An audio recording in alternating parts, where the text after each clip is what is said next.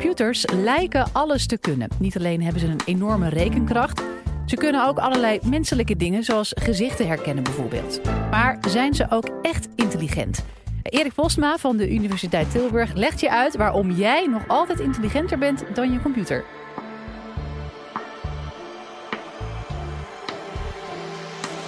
Live vanuit Club Air is dit de Universiteit van Nederland. Waarom ben je intelligenter dan de computer? Waarom ben je intelligenter? Tegenwoordig kan de computer steeds meer. Computers worden steeds slimmer en kunnen steeds meer moeilijke taken uitvoeren. Bijvoorbeeld, een van de eerste taken die een computer onlangs uh, kon, was het herkennen van katten uit video's. Katten uit video's. Dat kon YouTube of kon uh, Google uh, voor zorgen dat ze dat herkenden. En dat was een enorme doorbraak. En in 2012 gebeurde dit, maar in 2016 gebeurde nog iets bijzonders. DeepMind, het bedrijf dat gekoppeld is aan Google, was in staat om een eeuwenoud bordspel te spelen, het spel Go. En het spel Go bestaat uit stenen op een bord, waarmee uh, je zetten moet doen en dat in enorm veel patronen kan, zich kan ontwikkelen. Maar een computer is erin geslaagd om dat spel beter te spelen dan de best spelende Go-speler op aarde. En dat is een enorme doorbraak. En dit soort doorbraken zorgen ervoor dat mensen heel optimistisch worden over de toekomst van de computer. Maar het zorgt er ook voor dat mensen pessimistisch worden. En een goed voorbeeld is Elon Musk, dat is de directeur van de Tesla-auto's. Hij maakt zich zorgen over de toekomst van de AI, van de kunstmatige intelligentie. Waar hij bang voor is, is dat de computers de mensheid gaan overnemen. Dat ze slimmer worden dan de mens. En hij waarschuwt daarvoor. Maar hoe intelligent zijn computers nu echt? Dat is eigenlijk de vraag. En een van de belangrijke dingen om te bedenken is dat uh, computers in feite hele complexe rekenmachines zijn. Ze zijn te vergelijken met de, de, rekenmachine die je op de middelbare school krijgt, maar dan in staat is om veel complexere berekeningen te maken dan uh, één simpele rekensom. En dat kunnen ze gelijktijdig doen en dat kunnen ze in grote aantallen doen en je kunt ze zelfs programmeren. En doordat je kunt programmeren, kunnen ze een heleboel achter elkaar berekenen. Nou, wat die computers bijvoorbeeld hebben kunnen doen door die snelle en enorme rekenkracht, is uh, schaken, het spel schaken op te lossen. Het, een computer kan beter schaken dan wereldkampioen schaak.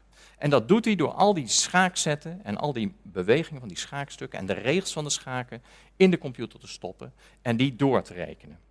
En omdat de computer dat zo snel kan, was hij in staat om de menselijke uh, wereldkampioen schaken te verslaan. Nou, een belangrijk aspect daarbij is dat die computer niet hoeft te weten hoe het schaakbord eruit ziet. Het hoeft ook niet te weten hoe de schaakstukken eruit zien. Het hoeft ook niet de tegenstander te herkennen. Het enige wat die computer hoeft te weten is wat zijn de regels van het schaken en wat mag wel en wat mag niet. En dat kun je doen door het als een rekentaak op te vatten.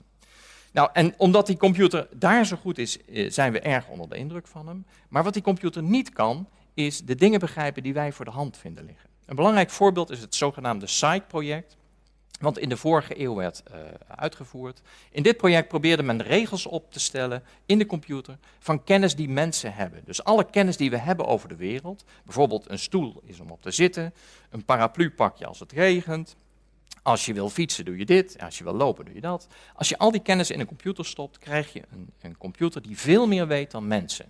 Een soort kennissysteem dat superieur is aan mensen. Nou, dat project heeft heel veel kennisregels verzameld en is nog steeds, dat project loopt nog steeds. Maar we hebben nog niet die computer die, die slimmer is dan de mens. En hoe komt dat nu? Nou, een van de redenen is dat wanneer wij bijvoorbeeld kennis, alledaagse kennis, aan een computer willen vertellen, denk bijvoorbeeld aan wanneer je fietst. Als je op de fiets zit en je wil linksaf gaan op je fiets, wat doe je dan? De meeste mensen zullen zeggen, dan doe je stuur naar links. Maar als je dat, en ik zou niet aanraden om dat thuis te proberen, want als je dat doet, dan val je om. Wat we in feite doen als we linksaf gaan op de fiets, is dat we eerst een beetje naar links gaan verzitten. We verplaatsen eigenlijk ons zwaartepunt iets naar links. We sturen een beetje naar rechts, dan hangen we eigenlijk een beetje naar links. En dan doen we het stuur pas naar links. En dat is eigenlijk uh, hoe wij sturen. Maar daar zijn we ons niet van bewust. Dat noemen we ook wel impliciete kennis. En die impliciete kennis is heel moeilijk over te dragen in regels in een computer. En dat is een van de redenen dat dat SAI-project niet echt leidde tot een computer die meer weet dan een mens. Maar vanaf de begindagen van de kunstmatige intelligentie was er ook een andere stroming van onderzoek. En die, dat noemde men neurale netwerken. En, oftewel kunstmatige neurale netwerken. En dit waren modellen die een beetje geïnspireerd waren op de structuur van de menselijke hersenen. En in de 50 jaren van de vorige eeuw was daar het eerste neuraal netwerk, het zogenaamde perceptron. En dat was eigenlijk een heel eenvoudig systeem dat een heel eenvoudig plaatje van bijvoorbeeld een cijfer kon herkennen. En uh, het bestond uit één laag van kleine knopjes waar je aan kon draaien. Natuurlijk niet echte knopjes. De computer leerde om de instellingen van die verbindingen die daarin zaten, om die in te stellen. En hij kon automatisch leren om die patronen te herkennen. Het, het is zelfs zo geweest dat DARPA, dat is de Amerikaanse defensieorganisatie, een, een computer heeft laten bouwen op basis van dat neurale netwerkje, het perceptron. En dat er toen in de New York Times berichten uh, kwamen over dat binnen een aantal jaren er robots zouden zijn met breinen die superieur waren aan de mensen. Nou, dat, was, dat is al heel lang geleden, het is nog steeds niet gebeurd. Dus na een tijdje bleek ook dat die perceptrons eigenlijk wat te beperkt waren. Ze waren niet flexibel genoeg. En toen is men andere dingen gaan uh, uh, onderzoeken. En dat was de eerste golf van neurale netwerken. En pas in 1990, rond 1990, vorige eeuw dus, ontstond er een tweede golf van neurale netwerken, waar men ging kijken naar complexere vormen van die neurale netwerken, waarmee, waarmee je meer lagen van verbindingen had. En het bleek mogelijk te zijn om die neurale netwerken te trainen, automatisch te trainen aan de hand van voorbeelden. Dus niet met regels, je liet het gewoon voorbeelden zien, je zei wat het voorbeeld was en hij leerde automatisch dat herkennen. De twee pioniers die daar belangrijk bij zijn om te noemen zijn Jeffrey Hinton, die is momenteel verbonden aan Google, en de andere is Jan LeCun, die is nu de directeur van het AI Research Lab van Facebook. En Jan LeCun is beroemd omdat hij in die tijd, in die tweede golf, een neuraal netwerk heeft ontwikkeld dat postcodes kon herkennen, handgeschreven postcodes op brieven en op kaarten. En uh, dat was een grote doorbraak toen. Maar ook die tweede golf kwam ten einde, omdat men op een gegeven moment zag van ja, je kunt wel postcodes herkennen, maar je kunt geen plaatjes herkennen. En het lukte ook niet met die neurale netwerken. En de derde golf van neurale netwerken, daar zitten we eigenlijk nu in. En dat is nu is de revolutie van het zogenaamde deep learning. En het grappige is dat diezelfde technieken uit die tweede golf nu weer gebruikt worden. Dan wel iets grotere netwerken, iets meer lagen. Maar de grote doorbraak is dus niet de techniek, maar de beschikbaarheid van heel veel data. Dat komt natuurlijk door Facebook, Google en al die grote internetbedrijven. En ook veel krachtigere computers. Computers die een heleboel berekeningen tegelijkertijd kunnen uitvoeren. Waardoor het mogelijk is om die uh, neurale netwerken, die deep learning netwerken, te trainen. En uh, uh, dat netwerk van LeCun, wat ik net noemde in de tweede golf, dat is eigenlijk de basis voor dat deep learning netwerk wat we nu tegenkomen.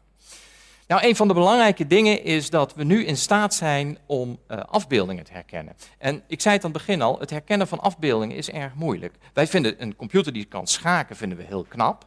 Maar eigenlijk is het nog knapper als een computer afbeeldingen kan herkennen. En een belangrijke vraag is bijvoorbeeld, kunt u herkennen wat er op dit plaatje ziet, wat ik u laat zien hier? Dit is een plaatje wat heel moeilijk te herkennen is, omdat de contouren hier weggehaald zijn. U ziet wat zwart-witte vlekken en u denkt dat is misschien een koe of iets anders. Maar dat is het niet. Als ik de contouren laat zien, dan ziet u plotseling dat het een gezicht is, een verborgen gezicht, wat pas zichtbaar wordt als die contouren gegeven worden. Nou, dus om aan te geven dat hoe moeilijk het is eigenlijk is om uh, in dit geval gezichten te herkennen. Nou, in 2012 was er een grote doorbraak met dat deep learning, omdat die toegepast werd in een competitie, de zogenaamde ImageNet-competitie, uh, waar gekeken wordt hoe goed computers zijn in het herkennen van alledaagse afbeeldingen. En in die ImageNet-competitie was een zeer groot deep learning netwerk met miljoenen verbindingen die automatisch ingesteld werden qua sterkte in staat om natuurlijke afbeeldingen uh, te herkennen. En dat netwerk was zo krachtig dat het alledaagse objecten kon herkennen. Zelfs mijn hond, een Samoyed is dat, die kon die herkennen. Nou, hoe doet zo'n neuraal netwerk dat dan eigenlijk? Eigenlijk begint het in elke laag met een stapje op te lossen van de visuele herkenning van een plaatje of van een patroon. Want je kunt het niet alleen op plaatjes toepassen, maar ook op andere patronen. Eerst deelt het het plaatje op in kleine contouren. Ik zei net al, die contouren zijn erg belangrijk voor het herkennen van een object. En vervolgens gaat hij kijken naar combinaties van contouren. En uiteindelijk heeft hij delen van, in, in, van het object wat hij herkent. Om uiteindelijk te komen tot de klassificatie. En in dit geval is de klassificatie het type hond, dus een Samoyed. Dus dat is eigenlijk de manier waarop dat deep learning werkt. En het belangrijke is om te, uh, te, te, benadrukken dat die neurale netwerken, die deep learning netwerken, niet geïnstrueerd worden. Ze worden alleen maar getraind door voorbeelden te laten zien en aan te geven wat dat voorbeeld is. Het herkennen van natuurlijke afbeeldingen uh, kan die heel goed. Hij kan ook een beschrijving maken van een afbeelding. Dus als je bijvoorbeeld zo'n deep learning netwerk goed hebt getraind en je laat hem een plaatje zien van uh, een marktplaats, dan kan die daar zelf een beschrijving bij geven. En die beschrijving ziet er heel indrukwekkend uit. En als je niet beter zou weten, zou je denken, die computer begrijpt wat er op het plaatje staat. Maar dat is niet waar. Eigenlijk heeft die computer alleen maar geleerd om de juiste termen te, te koppelen aan wat er in het plaatje staat. Die computer is nog nooit op een markt geweest. Die weet niet hoe sla voelt. Die weet niet wat een komkommer is of hoe een komkommer smaakt. Hij kan alleen maar die associatie leggen. Hetzelfde geldt voor mijn hond. Hij weet niet hoe zacht mijn hond is. En ik kan u garanderen, hij is heel erg zacht. Nou, wat, is, uh, wat, wat, wat geeft het nou eigenlijk aan? Dat die computers zeer krachtig zijn, dat ze nu in staat zijn om afbeeldingen te herkennen, maar ze hebben ook hun beperkingen. Uh, deep learning kan bijvoorbeeld soms in plaatjes iets herkennen waar wij niets in kunnen herkennen. Maar het geeft wel aan dat zo'n deep learning netwerk niet te vergelijken is met mensen. Een ander voorbeeld is een, uh, een, een plaatje van een bus. Dan zegt de computer, nou dat is een bus. Als we er iets ruis aan toevoegen, iets waar wij heel goed tegen kunnen, dus wij kunnen nog steeds als een bus herkennen, dan plotseling kan het deep learning het uh, niet meer herkennen. Dan zegt hij, nou, dat is iets heel anders. En die fouten maakt hij dus omdat hij gevoelig is voor ruis. Nou zijn dit misschien problemen die in de komende tijd wel opgelost worden, maar het geeft uh, de beperkingen aan. Waar gaat het nu de komende tijd heen met dat deep learning? Nou, een interessante toepassing die door Jeffrey Hinton, een van die pioniers die ik noemde in het kader van die tweede golf, en die dus nu verbonden is aan Google, noemde, is dat we in de nabije toekomst wellicht gehoorapparaatjes kunnen maken die uh, op basis van dat deep learning uh, bijvoorbeeld een Franse taal als input krijgen en dat vertalen naar Nederlandse zinnen. Dus als je nou een Franse vriendin of vriend hebt en je spreekt geen Frans, dan doe je dat gehoorapparaatje in en wordt die Franse spraak direct vertaald naar Nederlandse spraak. En als die Franse vriendin of vriend van jou dan het omgekeerde apparaatje heeft, dan kun je met elkaar communiceren.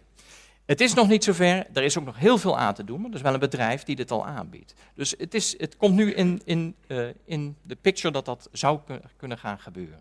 Een ander voorbeeld is eigenlijk waar de toekomstige computer naartoe gaat. Dat is niet een computer die ons gaat overheersen, het is meer een vriendelijke computer of een robot. En daarbij uh, denk ik aan uh, de dikke dame, de pratende schilderijen uit de Harry Potter film.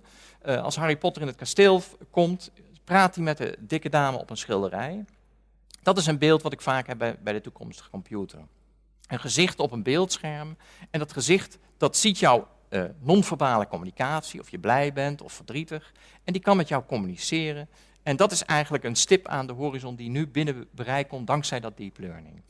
Dus je zou kunnen zeggen dat uh, uh, we helemaal niet zo bang hoeven zijn voor die toekomst. Dat we eigenlijk kunnen zeggen van nou, waarom ben je intelligenter dan de computer? De reden is omdat jij meer weet over de wereld. Je hebt alledaagse kennis en die computer is wel heel krachtig en heeft allerlei dingen met elkaar weten te verbinden, maar die heeft geen wezenlijk begrip van de zaken waar hij iets over doet. Als hij nou een beschrijving geeft van een plaatje of als hij een Go-spel speelt, hij weet eigenlijk niet wat het spel is. Hij kan alleen maar die patronen omzetten in andere patronen. En dat is de reden waarom mensen nog steeds intelligenter zijn dan de computer.